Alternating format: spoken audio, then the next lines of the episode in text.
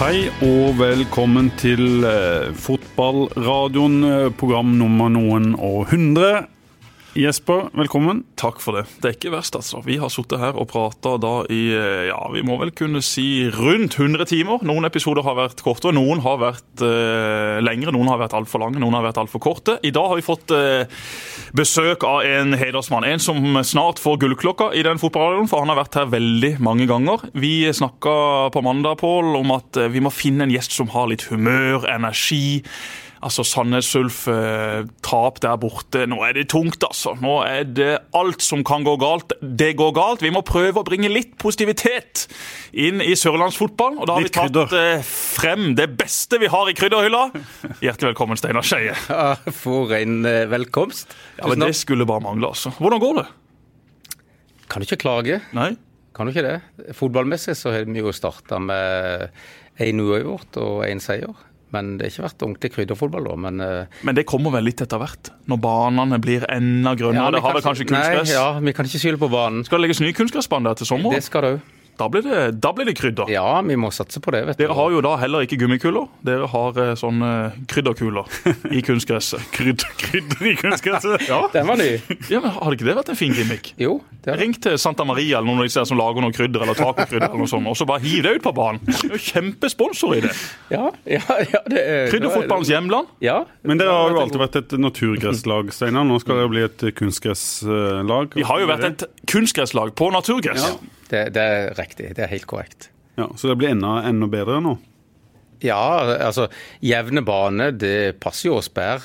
Vi spiller på en del ujevne bane, og det passer oss bedre med den spillestilen som vi har valgt å, å satse på. Så er det klart at en god og jevn kunnskapsbane, det, det er bra. Men Hva er status på Vindbjart 2019 nå? Har du øh, mista mange fra i fjor? Har du fått inn noen? Øyvind Gausdal ser jeg fortsatt holder koken. Har skåra mål allerede. Ja. Ja altså Etter vi rykka så mista vi jo 14. Også i fjor så mista vi 10, og dette må jo erstattes, da. Så vi er et stall på 25. Henta opp mange unge lokale, altså eh, fra egen junioravdeling. Og der er, det, der er det talent som eh, jeg tror og håper kan nå helt til topps. Eh, Men det, handler, det er jo mange, mye tilfeldig, det her. Men eh, det er å bygge litt på nytt igjen.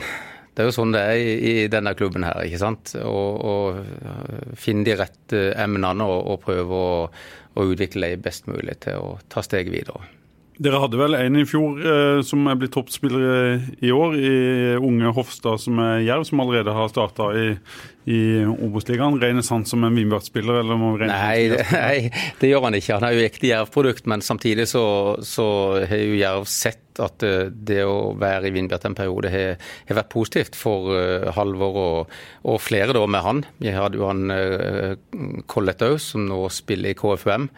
Og som utvikler seg bra. Så vi er nok en stil, tror jeg, og en, en, uh, en greie i Vindbjart som gjør at det er positivt for uh, Jerv å låne ut spillere til oss. Jeg må bare si en ting. Jeg traff eh, Steinar Skeie i, i går kveld. I skinnjakke. Han var riktig så stilig. Hvorfor har du på deg skinnjakke, Steinar? Det var ikke dette vi skulle prate om, var det? Jo, jo, vi skal prate om Dette er jo privat. Nei, nei, nei. Du, du, vi, du, var ikke hjemme, du var ikke hjemme hos meg. Vi var på fotballkamp. Tenk deg, Neste gang kommer kanskje skinn, tette skinnbukser òg. Hvem vet? Da blir du nok ikke invitert her dagen etter. Nei, jeg gjør nok ikke Det er, natur, det er en naturlig grunn til det. Det første du tok opp når du møtte meg i dag, var jo dette med naturprodukter. Hvor bra skinn kan være, hvor bra ull kan være. Verdt til sitt bruk. Hvorfor, um, hvorfor skinnjakke? Hvorfor skinnjakke? Nei, uh, Er noe du arver etter Karsten? nei, er ikke det. Det er det ikke. Nei, men altså uh, Vennesla-kulturen på byen der, da, langt tilbake i tida, så, så er det jo Vennesla har vært prega av en motorisert kultur. ikke sant? Alle skal ha lappen, alle skal ha moped, alle skal ha bil. Det er jo sånn det er. Det er litt pga. avstand og sånn. Og, og når jeg var 16 år, så tok jeg lappen på tung motorsykkel. Eh, hadde ikke lov til å kjøre før jeg var 18. Da jeg var 18, så tok jeg billappen. Eh, så jeg har egentlig ikke kjørt tung motorsykkel, men jeg har hatt lappen hele tida.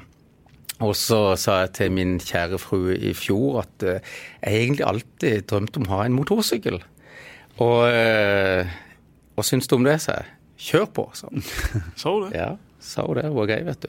Så, eh, så da ble det til at jeg kjøpte en motorsykkel, og eh, derfor så hadde jeg skinnjakke. Da må du ha skinnjakke, det er det ingen tvil om. Ja, men altså det, Nei, Jesper, jeg tror ikke han vet Jeg du skjønner det. Hvis du krasjer, så er jo skinn Ja. bra å skli på. Helt. Altså Såpass får jeg med meg. Jeg ser jo de som kjører MotoGP og så videre på disse her raske syklene, at de også kjører i skinn. Jeg forstår jo det. I tillegg så er det jo litt stilig da, Steinar. Det er jo litt stil. Du har jo alltid vært stilfull når du da kommer enten i bil, på sykkel, joggende, eller nå på motorsykkel fra bygda. Du har jo det. Ja vel. Nei, ja. du har ikke det. Du kommer i veldig mye blanda drops, akkurat som meg sjøl. Pål han eh, er litt mer danna i jeg klesvei. er jo ikke det. Nei, ok. Men det er Nok om klær. Altså, Karsten drev jo en skinnbutikk i dronningens tid.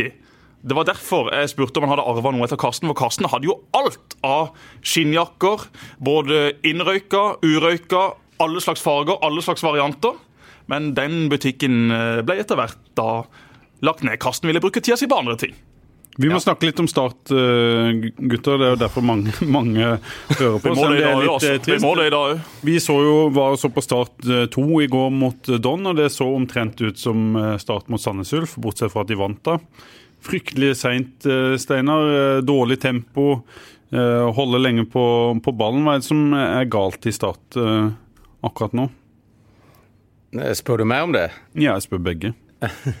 Nei, det er, det er jo vanskelig å si hva som, altså hva, hva som er årsaken til at ikke det fungerer bedre, eller det de gjør. Men eh, det er klart når de kommer så dårlig ut som de kommer, så kan det snike seg inn noe i topplokket på folk som gjør at de reserverer seg. Større, altså At eh, frykten for å tape blir større enn ønsket om å lykkes.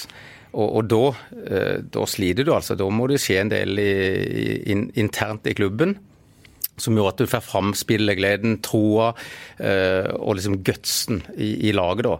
Eh, og det er klart, det, det forventes jo mye i år. ikke sant? De har brukt mye penger. Eh, og heldigvis er jeg at vi har noen gutter som er villige til å bruke penger. og De får jo så mye pepper. Kanskje noe er begrunna med logoprat. Kanskje ikke de skulle gjort det med logoen. Kanskje de skulle venta med den. Men, men det er nå så. Jeg, jeg syns det er prisverdig at det er noen som er villige til å bruke penger, og jeg håper for all del at eh, For dette er viktig for sørlandsfotball, det er jo for norsk fotball. Start er jo en merkevare i norsk fotball. Må tilbake igjen til å få Start på kartet med jeg vil gjennom makrellfotballen er vet du, tilbake. Men de, de får litt kritikk eh, eller Mye av kritikken fra supportere er at det er lite tydelighet i angrepsspillet. At det ser ut som de ikke har noen plan. Noen påstår til og med at de ikke har noen, noen plan. Det har de jo helt sikkert, men de klarer ikke å få den ut i, i eh, livet. Eh, hvordan ser du det? Er det små ting som skal til før du plutselig sitter? Nå har det endra formasjon igjen. Det er bare spilt fire kamper, det må vi jo eh, bemerke. Det er fortsatt tidlig på, på sesongen. Ja, det, det vanskeligste i fotball er å skåre mål. Og det vanskeligste i fotball er å ha et angrepsspill som fører til mål. Og, og det krever jo lang tid og lang trening. Dyrking av tydelige bevegelser, samhandlinger over lang, lang tid. Hvis den begynner å vakle på det, som jeg ser noen, mange gjør egentlig, for det blir et vanvittig press rundt det, så syns jeg, tykker jeg vi er nødt til å kjøre. Vi må stå steinert på at dette her tror vi på, dette skal vi jobbe med. Men det er jo en kunst, da. Det er, altså, det er en kunst og, og kunst. Altså, det er en pedagogisk, psykologisk utfordring, kaller jeg det. For du, du må være en god pedagog for å formidle det bildet som du sjøl ser du ønsker de skal spille, og så, må du så er det mye psykologi her, som jeg, som jeg, sa, i forhold til å tro på det, i forhold til å lykkes med det, i forhold til å kjenne at dette her, dette funker. Mm. Så det, det, er en stor utfordring å være trener.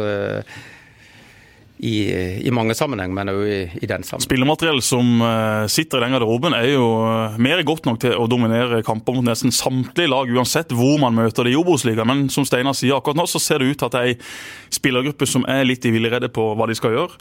Det er også ei spillergruppe som har uh, litt lav selvtillit. Det har vært mye styr i vinter. Han som var sjefen, han forsvant midt i den første kampen mot Ålesund. Så har det kommet inn et nytt trenerteam, men samtidig er jo ikke dette et nytt trenerteam, for de har vært med å påvirke hele vinteren. Mm. Så det er jo ikke sånn at det kommer inn kun nye ideer. Men de får bestemme jo... litt mer, og da endre, har de jo endra litt? Grann. Ja, det har de. Og det å endre litt på formasjon, det tror jeg kommer til å vise, til, vise seg å være en, en, god idé. Nå har det ikke fungert strålende til nå, men det er mye pga. at en del spillere har vært veldig langt under paret. Det at forsvarsspillere i Sandnes gjør sånne feil som de gjør, mm. det kan du liksom ikke gardere deg mot, uansett om du spiller med fem, seks, syv eller åtte mann i backrekka.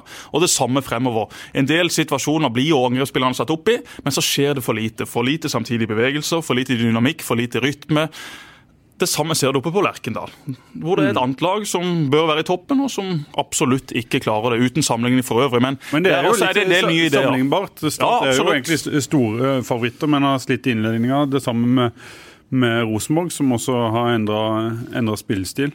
Du har jo tatt tale for, å, om vi ikke skifter ut Hornland, at en trenger store forandringer for å få, få eh, endringer. Hva tenker du om det, Steinar? Er det, du er kanskje mer den typen som ønsker at en skal stå sammen og, og jobbe seg ut av, av trøbbelet? Ja, selvfølgelig så skal han det. Ellers er ikke, altså, Å sparke trener er minste motstands vei, og så er det jo det enkleste å gjøre. Men som regel så er det ikke nødvendigvis det beste. Og som trener så Du blir jo stående mye alene uansett. Altså, det, det er bare sånn når du taper, så føler du deg som du er alene, liksom. Og det må du jo takle, må du jo leve med. Men litt tilbake til Start igjen. Et av de, jeg synes et av de største problemene som har vært i Start, det er at det Start som klubb de har jo ikke hatt noe spillestilsdokument som har fortalt hvordan det skal være. Det kan de ikke ha hatt. for at det, I det ene øyeblikket så ansetter de Dempsey, som er en filosofi som er eh, etter mitt hjerte. Og jeg tykker det var kjempesynd at ikke han lykkes med det som de satte i gang. Og så ansetter de Kjetil Rekdal, som er på en helt annen planet når det gjelder spillestil. Og Da, da, da stender ikke klubben Start fast med noe som på en måte skal føre dem til det målet som de ønsker. Så det, det, Om de har et spillestilsdokument eller, eller hva, det vet jeg jo ikke, men det, kan, det tyder på at det ikke det er det. I hvert fall så er det ikke tro med det. Jeg var nede i København hos eh, Bård og Ståle, og de har et egentlig ganske enkelt spillestilsdokument. Eh, som eh, er litt motsetning til Rosenborg på en måte, der eh, kreativitet og intuisjon og alt det der. Eh, jeg, fikk veldig, jeg fikk en boost når jeg var der nede. for det var... Frihet på siste tredjedel Ja, på en måte så var det var det. Det, det, var, det, var, det var mye sånn kreativitet, og det sto jo det ordet ble, ble brukt i spillestilsdokumentet. Mens i Rosenborg sitt så er det mye tydeligere på hva de skal gjøre til enhver tid. Og samme som i Vindbjart, egentlig. Vi har jo det. Så det, det er mange veier til rom her, men det, det å ha en vei som er, ty, som er sånn på papiret tydelig eh, Start som klubb, det må de ha som toppklubb. Og så må de følge det. Og så må de jobbe steinhardt for, for å bli gode på akkurat det. Og så må du ha eh, trenere i 2019 som kan eh, spille flere forskjellige formasjoner. Uavhengig av eh, hva slags tall du setter opp i forsvar og i angrep. Så du må jo se på de brikkene du har fått utdelt i garderoben, og så må du sette opp et lag og en formasjon som er best passa til akkurat den Men gjengen. Begynner du ikke litt i feil retning da, hvis du, det er en tropp du har fått utdelt, eller hvis du ikke har spillematerial til å spille den stilen du ønsker? Når Steinar henter spillere, så henter han jo til 4-3-3 og rollespillere. Det er akkurat det jeg mener. og det er jo det Steinar er inne på. Når du går da fra Dempsey, som har fått henta sine spillere, og som skal ha de til å spille på den måten, så kommer Rekdal inn, som skal spille på en helt annen måte. Og det var jo også en måte å spille på fordi at Start lå der de lå og måtte bli mye mer solide defensivt osv. Jeg tror nok ikke Rekdal hadde spilt på samme måte om han hadde fått hele sesongoppkjøringa før Det hadde kanskje vært andre typer spillere der også. Ja, det hadde kommet inn andre typer. Men Rekdal var allikevel en annen trenertype med en annen Helt filosofi enn. Dempsey. Vidt forskjellig filosofi. Og det er vel, men han ble jo vel ansett som en redningsmann for å redde eh, prosjektet når han kom inn i, i sommer. Det er vel litt derfor det henta Kjell Rekdal, fordi han, han har erfaring og, Absolutt. Og Men det Steinar sier er jo en nøkkel for en klubb. At man i løpet av en tiårsperiode, om man har tre eller fire eller fem eller seks trenere, så må det iallfall være trenere som er i rimelig lik gate. Det kan ikke være noen som er i vidt forskjellige gater på hver sin side av byen. For da sier det seg sjøl at de spillerne du da skal hente inn for å tenke ok, her skal man da spille type startfotball. Eller Vindbjart er jo faktisk kanskje det beste eksempelet i Norge. Det finnes eh, lag og klubber som er bedre enn Vindbjart, men akkurat den der tydeligheten i deres spill, den er jo ekstremt lett å kjenne igjen. Og du ser også da hvilke spillere som kan passe inn der. Og jeg tror også spillere vil spille for Steinar, for de vet at kom opp til Vennesla, der kan vi få lov til å frispille, der kan vi få lov til å angripe. Der er det det offensive som står i høysetet, og det er jo det som er aller gøyest. Hadde jeg vært eh, frisk og ikke eh, god nok til å spille i eh, Start, så hadde jo jeg veldig godt likt å spille for Steinar, for vi har jo mye av de samme tankene hvordan fotball skal spilles. Men igjen, Steinar kunne jo ikke spilt på denne her måten hvis han hadde hatt elleve tømmerhoggere på laget, sånn som Vindbert var en gang i tida, hvor du reiste opp og viste at ok, Vindbert får to røde kort i dag, du får én knokke ankel, og så får du et par knotter på leggebeskytteren. That's it. Da spilte jo ikke Vindbjart sånn. Men når Steinar da har innprenta dette, ikke bare for A-laget, men nedover i systemet, og det også er jo en styrke for en klubb, at du må fra et A-lag ned til gutter 12 eller 8, eller hvor du måtte stoppe, der må du da prente inn de samme ideene, sånn at da spillere kommer opp om ti år, om fem år, har dette i ryggmargen. Men er bare en ting. Eh, Når du ser på det startlaget og rollespillere som vi snakker om nå, og formasjon og sånn, er det for mange på det laget som du ikke kan si at han, det er hans posisjon, det er hans eh, posisjon? Kasper Skånes, Aron Sigurdarsson, Tobias Christensen, Erlend Segberg. Hvor er, hvor er de best hen? Hvilke, hvilke roller er de sine beste roller? Eh, bare på sånn generelt grunnlag, så jeg tykker Start er mange spennende spillere. Det, det tykker jeg. Han Kasper Skånes han hadde jo passa ypperlig i en 4-3-3 som en, en uh, bikkje. Høyrekant eller Ja, innerløper? òg som innerløper. Han er jo bikkje, han springer og er jo en eh, løpskapasitet som en annen verden. Eh, så, men, men, og Segberg han er jo en playmaker i blodet, ikke sant? Og, og det er jo å liksom dyrke de rollene. Eh, om jeg hadde brukt det på andre måter, det hadde en sikkert. Man ser jo liksom bildet sånn som en ser det. Og, Tobias Christensen da, det er jo en, en mann som er, er vanskelig å sette inn i en 4-3-3-stil, hvis du da ikke skal ha en innoverkant eller gå på eh, premisser med, med prinsippene dine. men, men der er det noe, altså dette med 4-3-3, sånn som vi har spilt det opp igjennom. Eh, Det er mange varianter av det, det ser vi jo.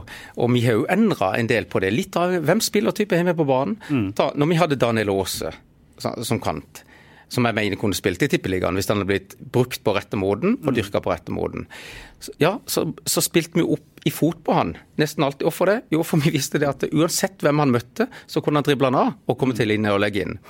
Og så har, så har vi som er andre spilltyper. Ta Joakim Eriksen, sønn til Terje. Barnemann til Kai. Ja, barnemann til Kai. Bakromsspiller med Ja, ikke sant? Altså, Han måtte ha ballen i bakrommet fordi at han var så veldig rask. Og Gausdal ja, han måtte ha ballen helst i lufta, eller i, i boksen i alle fall. da. Og, og det er sånn jeg tenker at liksom, skal vi være gode skal en, Altfor mange syns jeg dykker jo på dykker klager for mye på spissen er for dårlig. Nei, men altså, Det er jo et lag som skal, skal gjøre spissen god. Gausdal spilte, jeg har sagt det mange ganger før, jeg sier det igjen. Gausdal spilte på Start 2 i høsten, som han gikk fra Vindbjart til Start. Han bøtta inn i Vindbjart i andre divisjon. Så kom han på Start 2. Han skåret ett mål i løpet av hele høsten. Hvorfor det? Var han blitt dårligere? Nei, han var jo ikke det. På ingen måte. Kanskje bedre til og med. Men han fikk jo ikke nok ball å jobbe med. For Start spilte på en annen måte enn det Vindbjart gjorde. Så det- ting henger sammen her. Så de som sier at Start ikke har en spiss som, som uh, skårer mål, tar på en måte feil. Det, det er laget som, uh, som ikke fungerer. Ja, Ja, men se altså på Rosenborg. Rosenborg har Søderlund. De har Bentner. Selvfølgelig skårer de gutta mål hvis de får sjanser. Søderlund er kanskje ikke der han var. Det er i alle fall ikke Bentner. Ingen av de er det, for å være dønn ærlig. Men de gutta der hamrer jo inn mål i Eliteserien. Hvis Rosenborg spiller normal Rosenborg-fotball. Hvis de kommer til innlegg, hvis de har masse bevegelser i boksen. Se på det målet Odd skåra mot Viking.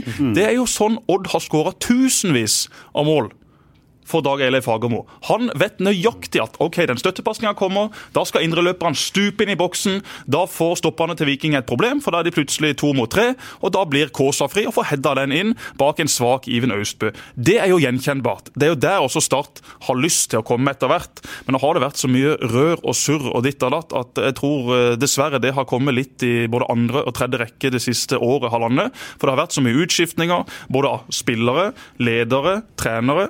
Nå må jo klubben samle seg litt, roe seg litt ned. Gi tillit til de gutta som er der nå. La de få jobbe med dette over tid. Joey, Andreas, Mathias, Atle Roa, altså de gutta som er der nå. Nå må de få den muligheten. Men får de den tida hvis dette begynner å Hvis tapene fortsetter? Jeg er litt i tvil om Start tør å skulle hente inn nok en ny mann. Hva hvis det da heller ikke fungerer? For det første så vil det koste en del penger. For det andre så er det jo ikke alltid det er så veldig mange tilgjengelige på markedet som står da uten trenerjobb rundt forbi. Så jeg tror at eh, de er villige til å strekke seg ganske langt for at eh, de som er der nå, skal få tillit, få litt ro, og se om ikke det kan eh, bli godt nok til å, til å rykke opp, for det er jo det soleklare målet. Klarer ikke Start å rykke opp i år, så vil det jo være en aldri så liten fiaskosesong. Det, det må de også sjøl innse. Et direkte spørsmål til deg, Steinar. Har det vært en drøm for deg å, å kommet inn og tatt tak i dette og lagd en rød tråd i, i, i Start? Har det vært en Alle som ultimate utfordring for deg? Ja, ultima, alle, som, alle som er trener, er jo klart det er en drøm å trene et lag som Start med de ressursene. Det har det jo vært for alle. Eh, Så, så eh, det vil jo være dumt å si noe annet, men samtidig så er det jo en del utfordringer i den klubben der som, som burde vært tatt fatt i, tykker jeg, i forhold til ja, Nevnte bl.a. dette med å ha en fasthet på på en filosofi som, som, skal følges, ikke sant? der du lager en rød tråd, og der, der klubben på en måte er enig om det. Mm. Så det, jo da, en drøm, men, men ikke sånn, sånn, uten videre. Det måtte være en del ting som hadde vært måtte hatt gjest på meg da i tilfelle. jo, men, jo, men det er jo altså, en, en, kar som Steinar som har den filosofien, som har vist det han har vist med Vindbjart. Det har vært masse utskiftninger, og Vindbjart var veldig mye bedre for et par år siden enn det man er nå. Men det har jo også med at mange av de som da var gode, har gått til større klubber. fordi at Vindbjart og Steinar har klart å utvikle de. Skulle Start hente inn en ny trener, da, si at de der som er der nå, ikke får det til. De taper fire kamper til, og Start ser ut til å være ferdig med tanke på et direkte opprykk. Da kan det selvfølgelig være at uh, det hentes inn en ny mann, og en kar som Steinar da må jo bli vurdert som en av de mest spennende uh, her på Sørlandet. Det å liksom skulle hente en uh, Alejandro Dos trenerkurs, som mm. min kollega Mari Skjelbæk pleier å kalle alle spanske trenere som kommer til Norge, for da tror alle at de er så himla gode. Mm. Det er jo ikke alltid at det er sånn. Det kan jo finnes flotte spennende lokale trenere også, men det er jo en prosess som eventuelt da må, må kjøres etter hvert. Som sagt så tror jeg ikke det skjer med det første. Jeg tror at Start håper inderlig på at eh, de gutta som er der nå, skal få det til.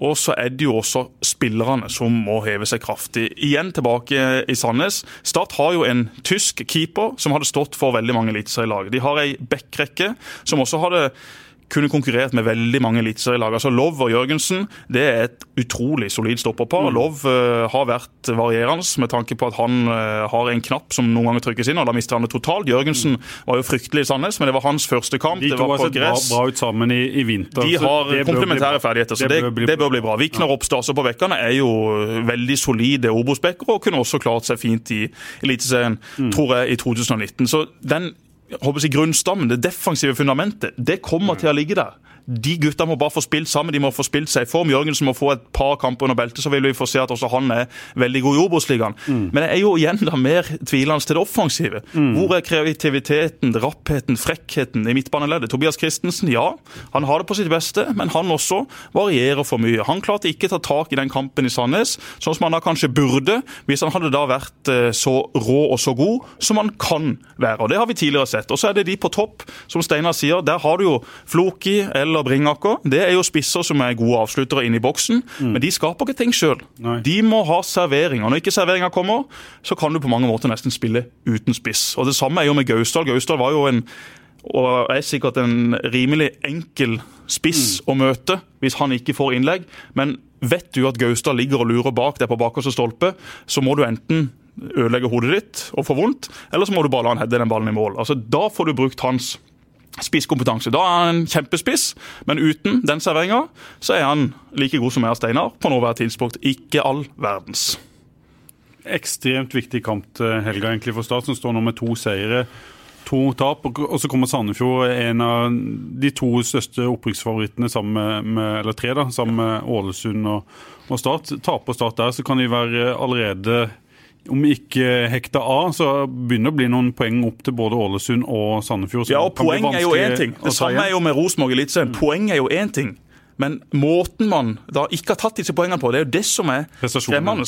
For at det skal bli en del tette jevne kamper i Obos-Pål, det har vi snakka om i alle vintermånedene. Men du også hadde vel sett for deg et startlag som var enda mer dominerende og solide enn det du har sett så langt? Ja, jeg har jo sett i, i perioder sånn jeg trodde det skulle bli, men så er det jo det da at de faller sammen i perioder. Da slipper de selvfølgelig inn mål. Jeg syns første omgang mot Sandnes Ulf var omtrent som forventa. Den kampen hadde de jo klart mest ball. og Så tenkte jeg det kom til å åpne seg opp eh, i andre omgang, og at Start kanskje kom til å skåre og vinne den kampen. Og så skjedde egentlig det, det motsatte. De falt sammen. Det samme så vi mot eh, KFM Oslo, og det er det som er mest bekymringsfullt fullt. Hva tror du Joey og co. håper å se mot Sandefjord? Ja, at, de, eh, at, de, klarer å få til noe på den siste tredelen av, av, banen. For De kommer til å spille seg i gode innleggsposisjoner, men når det ikke er bevegelse foran den som slår innlegg, eller innleggene er for dårlige, eller det ikke er samhandling Jeg syns det er altfor mye transportering av ball av kantspillerne.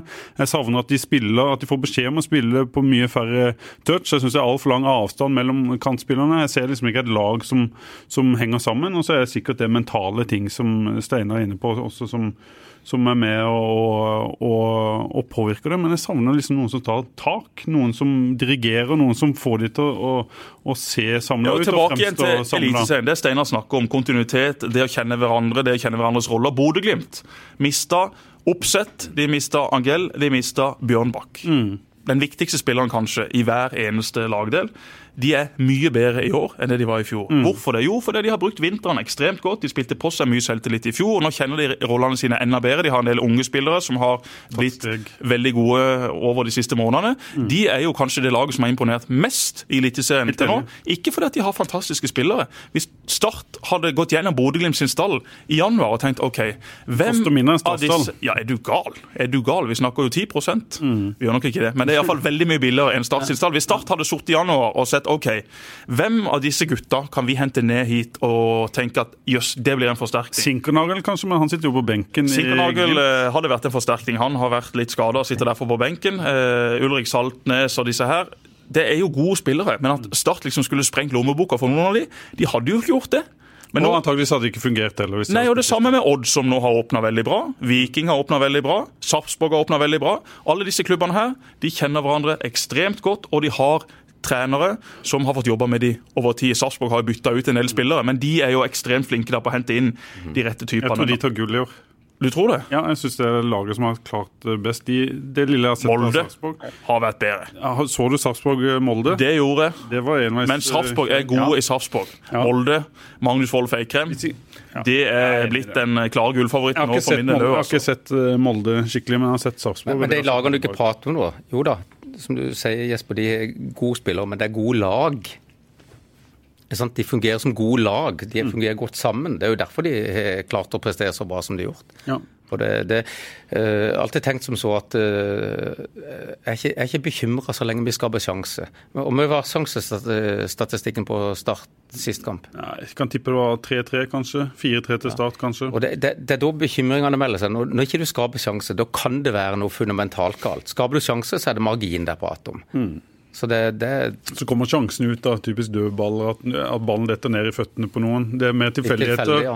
Enn at eh, det er gode angrep. Sånn som vi så egentlig i første omgang mot KFUM, så så vi egentlig en rekke gode angrep. Det er den beste omgangen de har spilt i år. Ja, og Sandefjord blir en uh, tøff test, men det kan også være en motstander som passer Start uh, greit. Sandefjord kommer til å prøve å spille sitt spill i. De uh, spiller med risiko. Ikke like mye som Vindbjart. Spiller kanskje med 5 av risikoen til Vindbjart, men allikevel veldig mye risiko. Mm. Og de har ambisjoner om å komme ned hit og styre kampen. Slapp inn tre i forrige bortekamp mot eh, Tromsdalen, som tapte 8-0-kampen. 8-0 mot Ullkisa.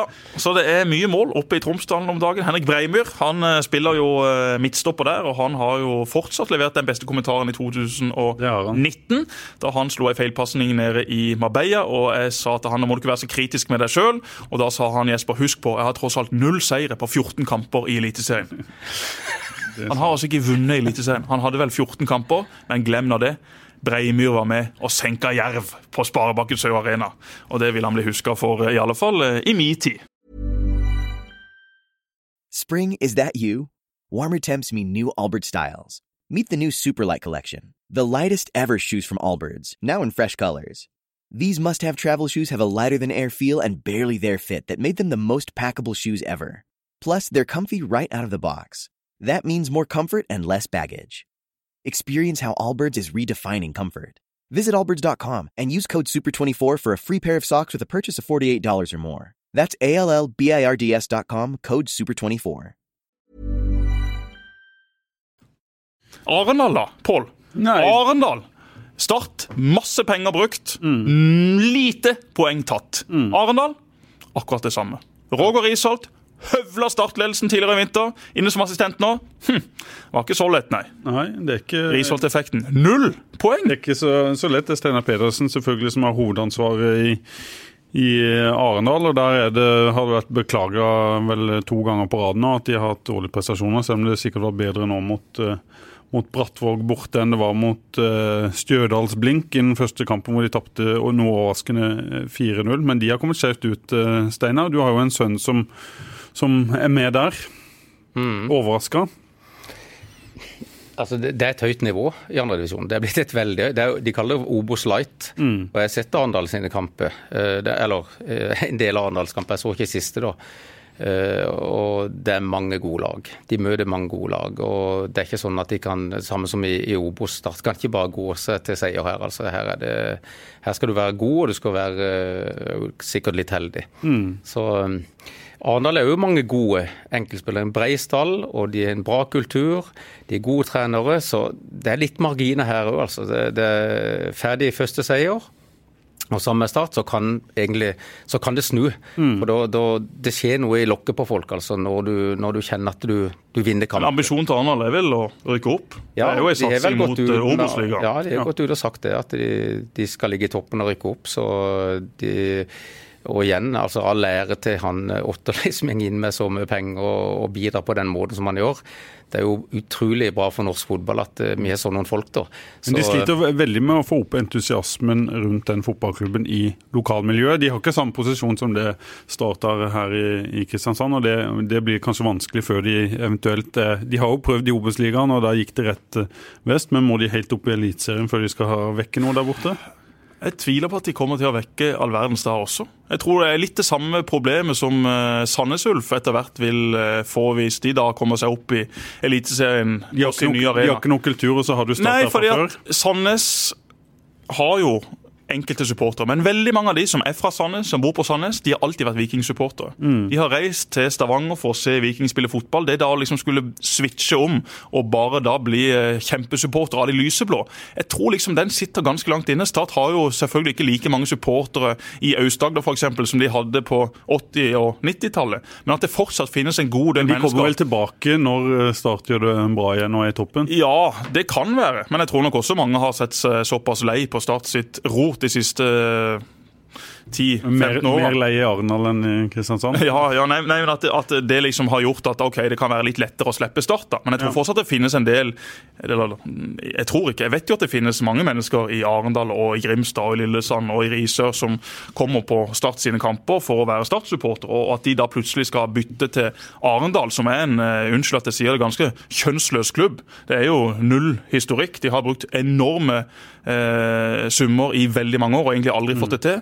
De var oppe og snuste litt i Obos-ligaen, men dundra rett ned igjen. Så det er jo liksom en, en klubb uten et uh, skikkelig miljø, når du da sammenligner med klubber som har vært der i 100 år. Og Det er jo ikke til forkleinelse for Arendal, det er bare sånn det er for alle mm. den type klubber.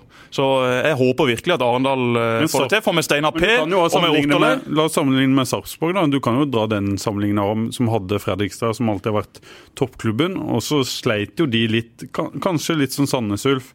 Kanskje litt til og med som Arendal. Jo, men i Sarpsborg også så har det jo vært en historikk lengre tilbake. Ja, det, det gjorde det, men det tok jo ikke fyr i Sarpsborg før de men de har jo enorme prestasjoner, selvfølgelig, og leverer nå på veldig høyt nivå, nivå i Eliteserien. Men det går vel an å Selvfølgelig. Misforstå meg rett. Ja. Det kan selvfølgelig skapes ting, men at det skal bli eh, fullstendig Texas i Arendal i nærmeste framtid Når vi snakker om fotball, fullstendig Texas blir det jo allerede i sommer. Det gjør det jo alltid i Arendal. Men akkurat sånn fotballmessig så sitter den nok lenger inne. Men Steinar Pedersen viste det jerv, at han kan bygge opp en klubb på den størrelsen. Han kan være proff, han kan eh, vise både de som jobber der og de som spiller der, hva som skal til.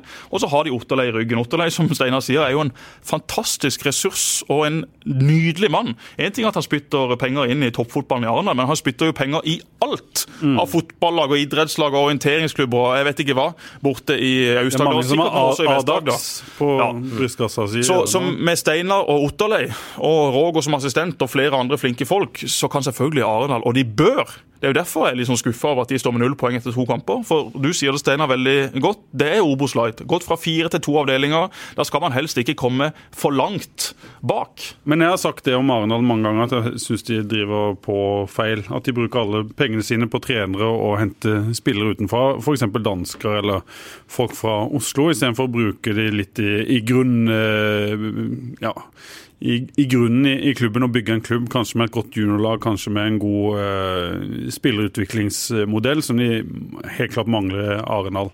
Nå har de vel det på gang nå, da. Eh, de gjør det bra med juniorlaget, så mm. de er nok i ferd med å, bygge litt der. Men det som òg en må ta høyde for her, det er at uh, når en ser på klubb og entusiasme og alt det der uh, Jeg sjøl trente en sånn samarbeidsklubb, Tønsberg. Mm. Mm. Og, og, Arendal er jo en samarbeidsklubb.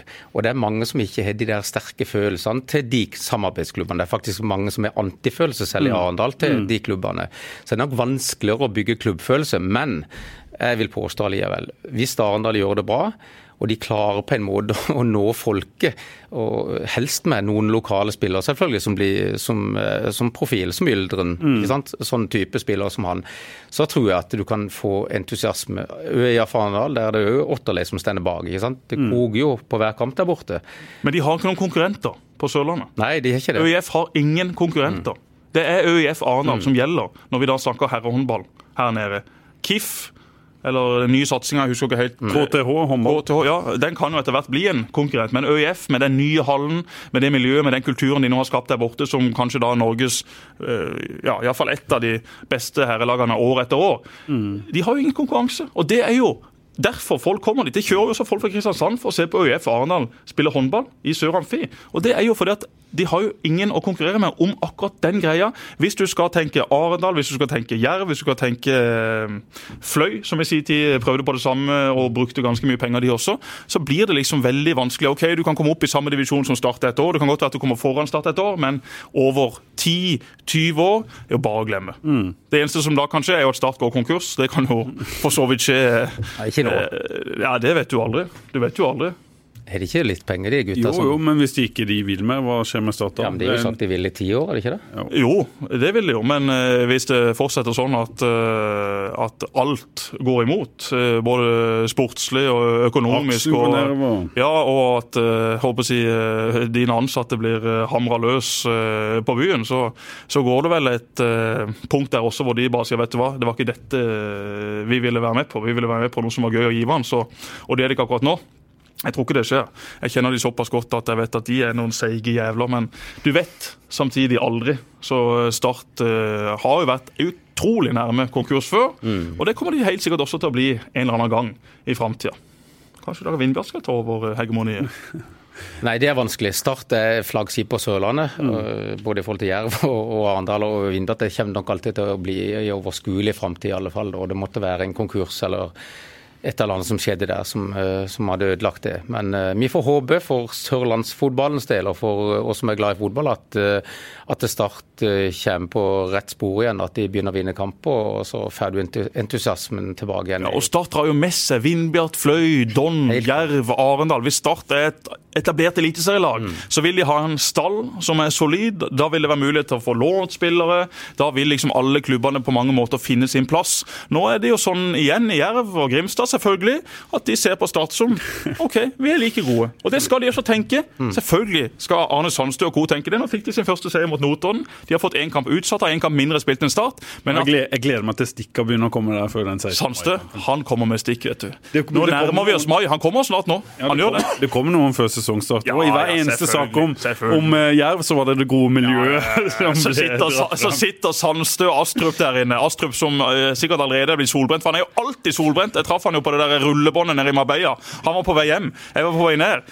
Han var altså like rød som en eh, moden tomat, altså. Ikke en sånn en grønn en som er førmoden, men en rød, sprengt tomat. Så Astrup og Sandstø, gode gutter. Liker å slenge litt meldinger her og der. Og det er jo nå veldig mange startspillere der som selvfølgelig vil brekke både høyre- og venstrebein, om de nå kan få stukke kjepper i hjulene. Ja da.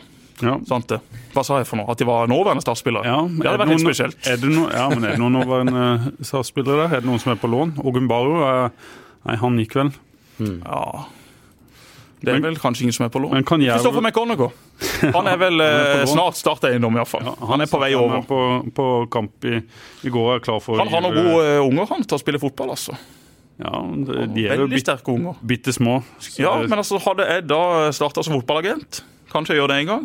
Da skulle jeg signert de med en gang. altså. Kjørt ut til Justenshalvøya, banka på døra. 'Kristoffer, la oss ta en prat.' Du var god en gang, jeg var god en gang. Ingen av oss ble noe særlig. Nå skal vi sørge for at dine unger blir noe. For mine egne unger, de skal begynne på en eller annen teaterhøyskole om ikke altfor mange uker. Jeg må rett og slett legge aksjer inn, ja, men legge aksjer inn i andres unger. Ja. Jeg er nødt til det. Jeg hadde jo en kontrakt med Ola Kleppe i, i sin tid, som eh, da var at hvis jeg ble tennisspiller, så skulle Ola ha 10% av all fremtidig inntekt. Det var en avtale da han og pappa hadde gjort. Jeg vet ikke hva jeg da fikk liksom igjen for de 10% men jeg ble aldri en tennisspiller. Ola Klepp han skulle vi hatt her. Skulle vi ikke Ola? Klepp skal vi ha. Jeg har spurt Ola òg, men eh, nå har han solgt huset sitt på Gimlekollen. så Han solgte det før visning, hadde jo sånn flott Nupen-vase i hagen. Det er ikke rart du selger huset før visning da. Det lages jo ikke så veldig mange av de lenger, for Kjell har jo dratt nordover. Og så eh, reiser han mye til Kina, har iallfall gjort det. Har jo drevet med en del sånn import, så vi må egentlig bare vente på at Ola har tid. Så skal Ola på plass i studio. Jeg husker jeg intervjua han en gang for det må være 10-11 år siden. Jeg skulle lage en større sak på Christer Kleiven, som din far da mente at han hadde noe Olav Klepp i seg. Endelig hadde Start fått en som kunne skyte. Og så Skyte? stoppa- og så- Christer? Så stoppa det fullstendig opp for, for Christer Kleiven. Fullstendig, ja. Han kjørte jo rett i en fjellvegg. Han ble av den et skudd i etterkant. Han var enorm den ene halve sesongen. Han pepra jo baller i høyre kryss, venstre kryss, nettak. Men så var det stopp, altså. Og det er fullt fortjent. For han kunne egentlig ikke skyte. Christer var en fantastisk elegant, fin, teknisk spiller. Men at han hadde en skuddfot, glem det. Han var nummer tolv til å ta frispark ute på banen. Mitt høyrebein lå foran hans høyrebein i køen. Jeg var da altså nummer én og nummer elleve. Christer var nummer tolv. Men en bra kar, altså. Jobber jo nå som eh, treningsleder på eh, Senterleder. Senterleder, det er det så fint heter. Går rundt i en litt sånn dvask tights. Ser absolutt ikke bra ut, men han smiler og ler og har det veldig, Christer er veldig fin, greit. fin mann. Ja, ja, A-lagsmann, det. Ja. Vi må få Kleiven. Har vi hatt Kleiven her? Ja, det tror jeg vi har eh, hatt. Snart på tide å ha han igjen. Ja, Det det er er det. Skal vi si, snakke litt om tredjedivisjon nå før vi gir oss, uh, Steinar? Det er jo lokal Fløy, fløy De har fått en god start. Vant på overtid. Deilig 1,50 odds. Jeg trengte den. Nils Petter Andersen, assistenten til Fløy, er jo da sammen med min søster, far til Bernt, som er onkel til. Han sa at vi slår MK, og det gjorde de altså. Så vidt. Myhre avgjorde langt inne på overtida. Og Så har du Vindbjart da med en seier, eh, en uavgjort. Så har du Don som har eh, en uavgjort mot dere, Steinar. Så tapte de nå mot eh, Start 2, med mange gøye eh, lokaloppgjør i den eh, divisjonen. Ja, det er jo det. Og det første får vi jo nå til det første store nå. til Fløy Vindbjart. Fløy Vindbjart. Det er jo alltid en høydere. Så det blir Det har vært mange gøye kamper der og og jevne Hvordan forbereder du laget ditt til den kampen der? Jeg trenger i hvert fall ikke motivere noen. For det, det å spille sånn noen kamper altså, jeg, jeg, Egentlig så motiverer jeg aldri. Altså, Spillere må være selvmotiverte.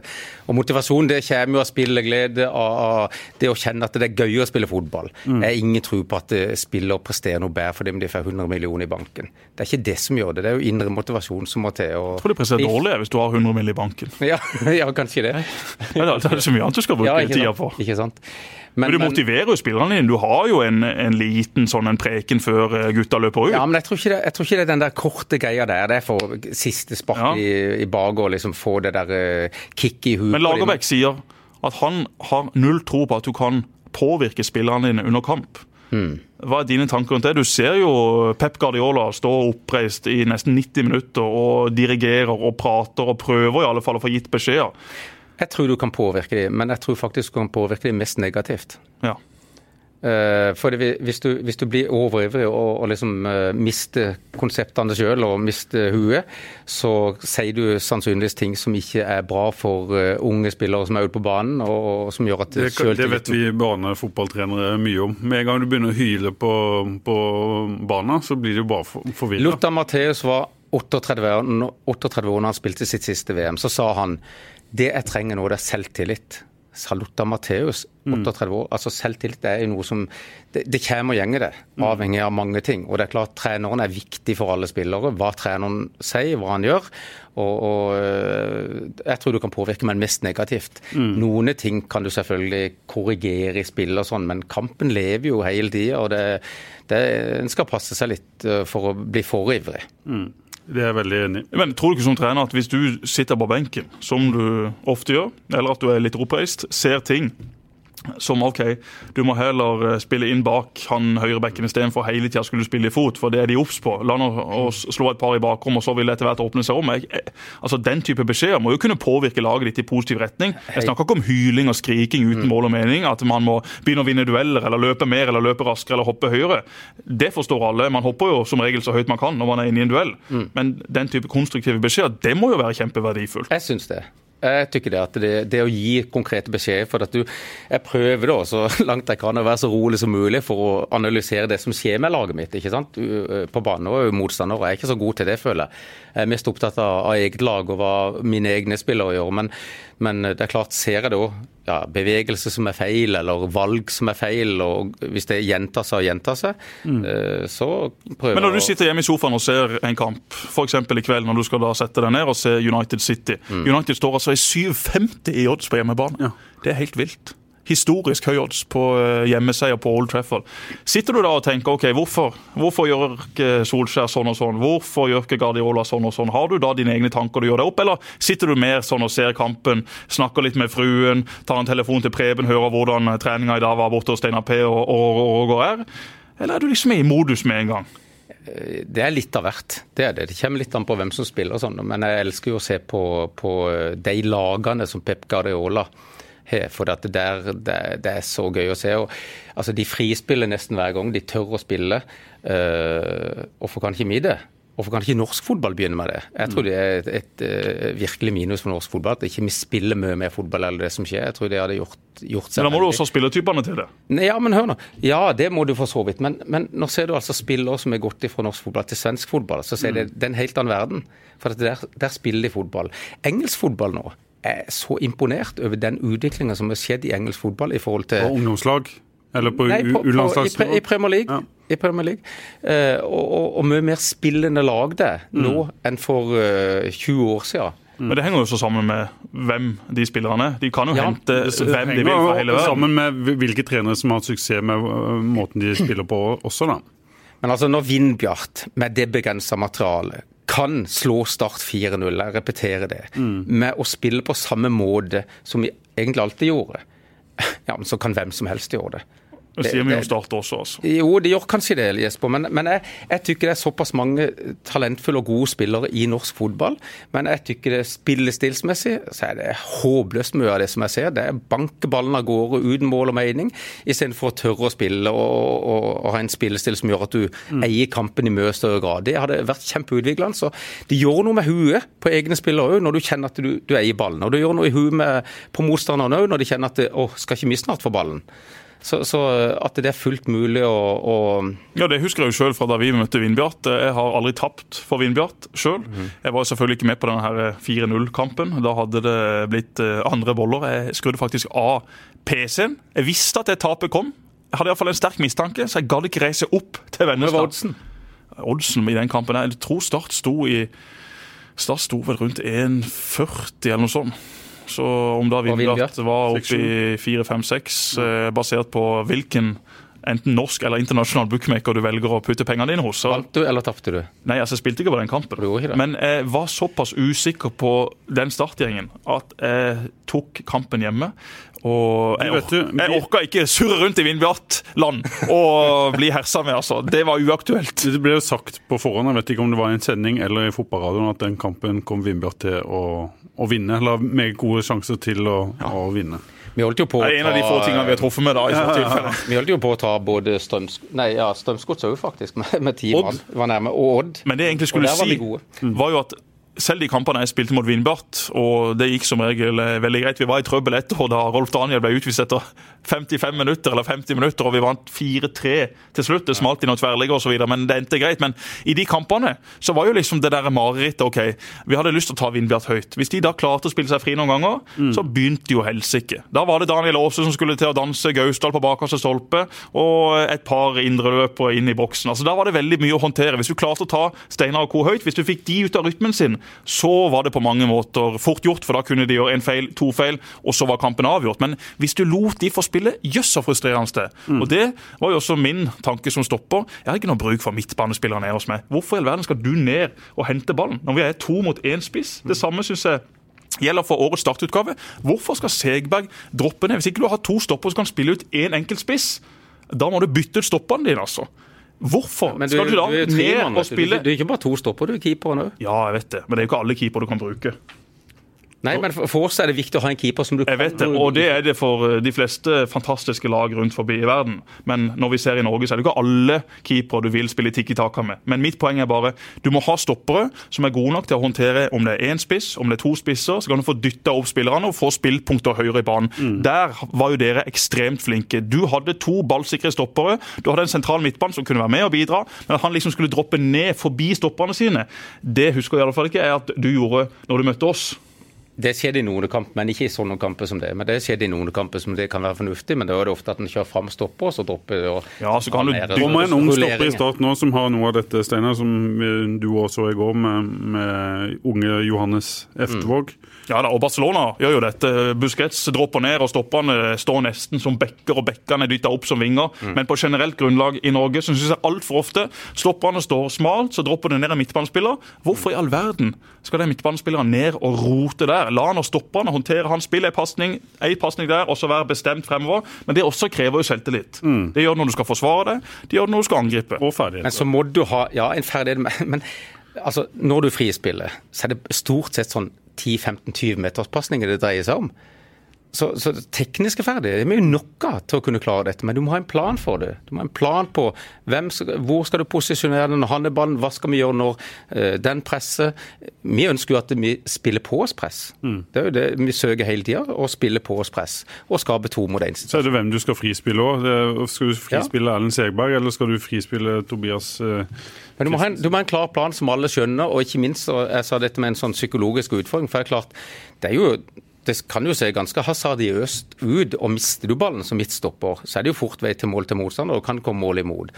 Så du må være modig òg, skal du gjøre det. Men, men jeg, jeg tenker at hvis du, hvis du øver på det, og, og tillater at faktisk folk kan gjøre feil, det, det må du bare tillate. Det kan skje feil, men Men det høres ut som det, dette er fasiten, men start, det var jo akkurat dette Start prøvde på med, med Mark Dempsey, som ikke gikk i Eliteserien i fjor, og som gjorde at de til slutt mista all selvtillit, og da kan det jo se fryktelig stygt ut. Igjen, dette er ikke noe fasit, det er ikke det jeg prøver å si, men jeg elsker den form for fotballen. Det er det jeg sier. ja. Jeg var nede i København, det er en helt annen tilnærming til, det, til spillet enn det Vindbjart er. Det er litt, sånn, litt kontrast i forhold til Rosenborg, men jeg ble utrolig fascinert av det som eh, både hele klubben og, og måten de spiller på, og måten de gjorde det på den. Så det, det er mange veier til rom, da.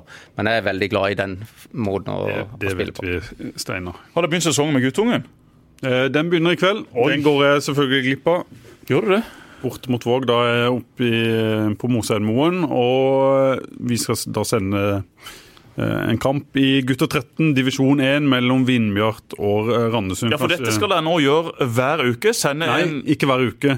Vi gjør det en gang i, i måneden. Så går vi inn i ungdomsfotballen, både på gutte- og jentesida. Så dekker vi en kamp.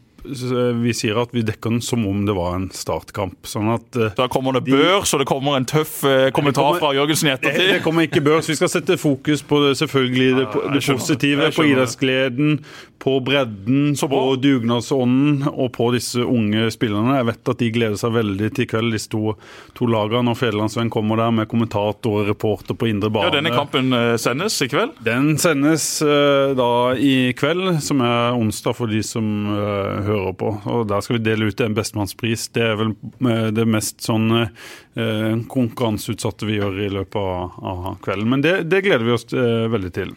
Du kommer jo opp til et uh, gedigent anleggsområde. Eh, ja, jeg tror det var kjørt forbi på morgenen i dag. Jeg tror det var åtte svære maskiner, så de jobber nesten natt og dag for å få dette ferdig. da. Men uh, det laget du kommer til å se i dag, det tror jeg det, Håvard Karlsen er jo en av pappaene og står bak dette her, sammen med Øyvind Myhrvold og Nikolai, som er her ute. De har sagt de skal spille krydderfotball. Ja, de spiller, jeg har sett litt på dem. De spiller krydderfotball. krydder. Håvard Karlsen i kulissene, så må det jo bli krydderfotball. Ja, ja, selvfølgelig. Mister Myhrvold han var ikke veldig krydderspiller, altså. Der var det mer uh, fysikk, Men tydelighet Kjetil, i du tenker på Kjetil, du? Nei, jeg tenker- tenker jo på broderen. Ja, du. Ja, jeg har jo spilt mot han. Ja. Han var jo enda tyngre enn Kjetil i Raua. Men en strålende kar.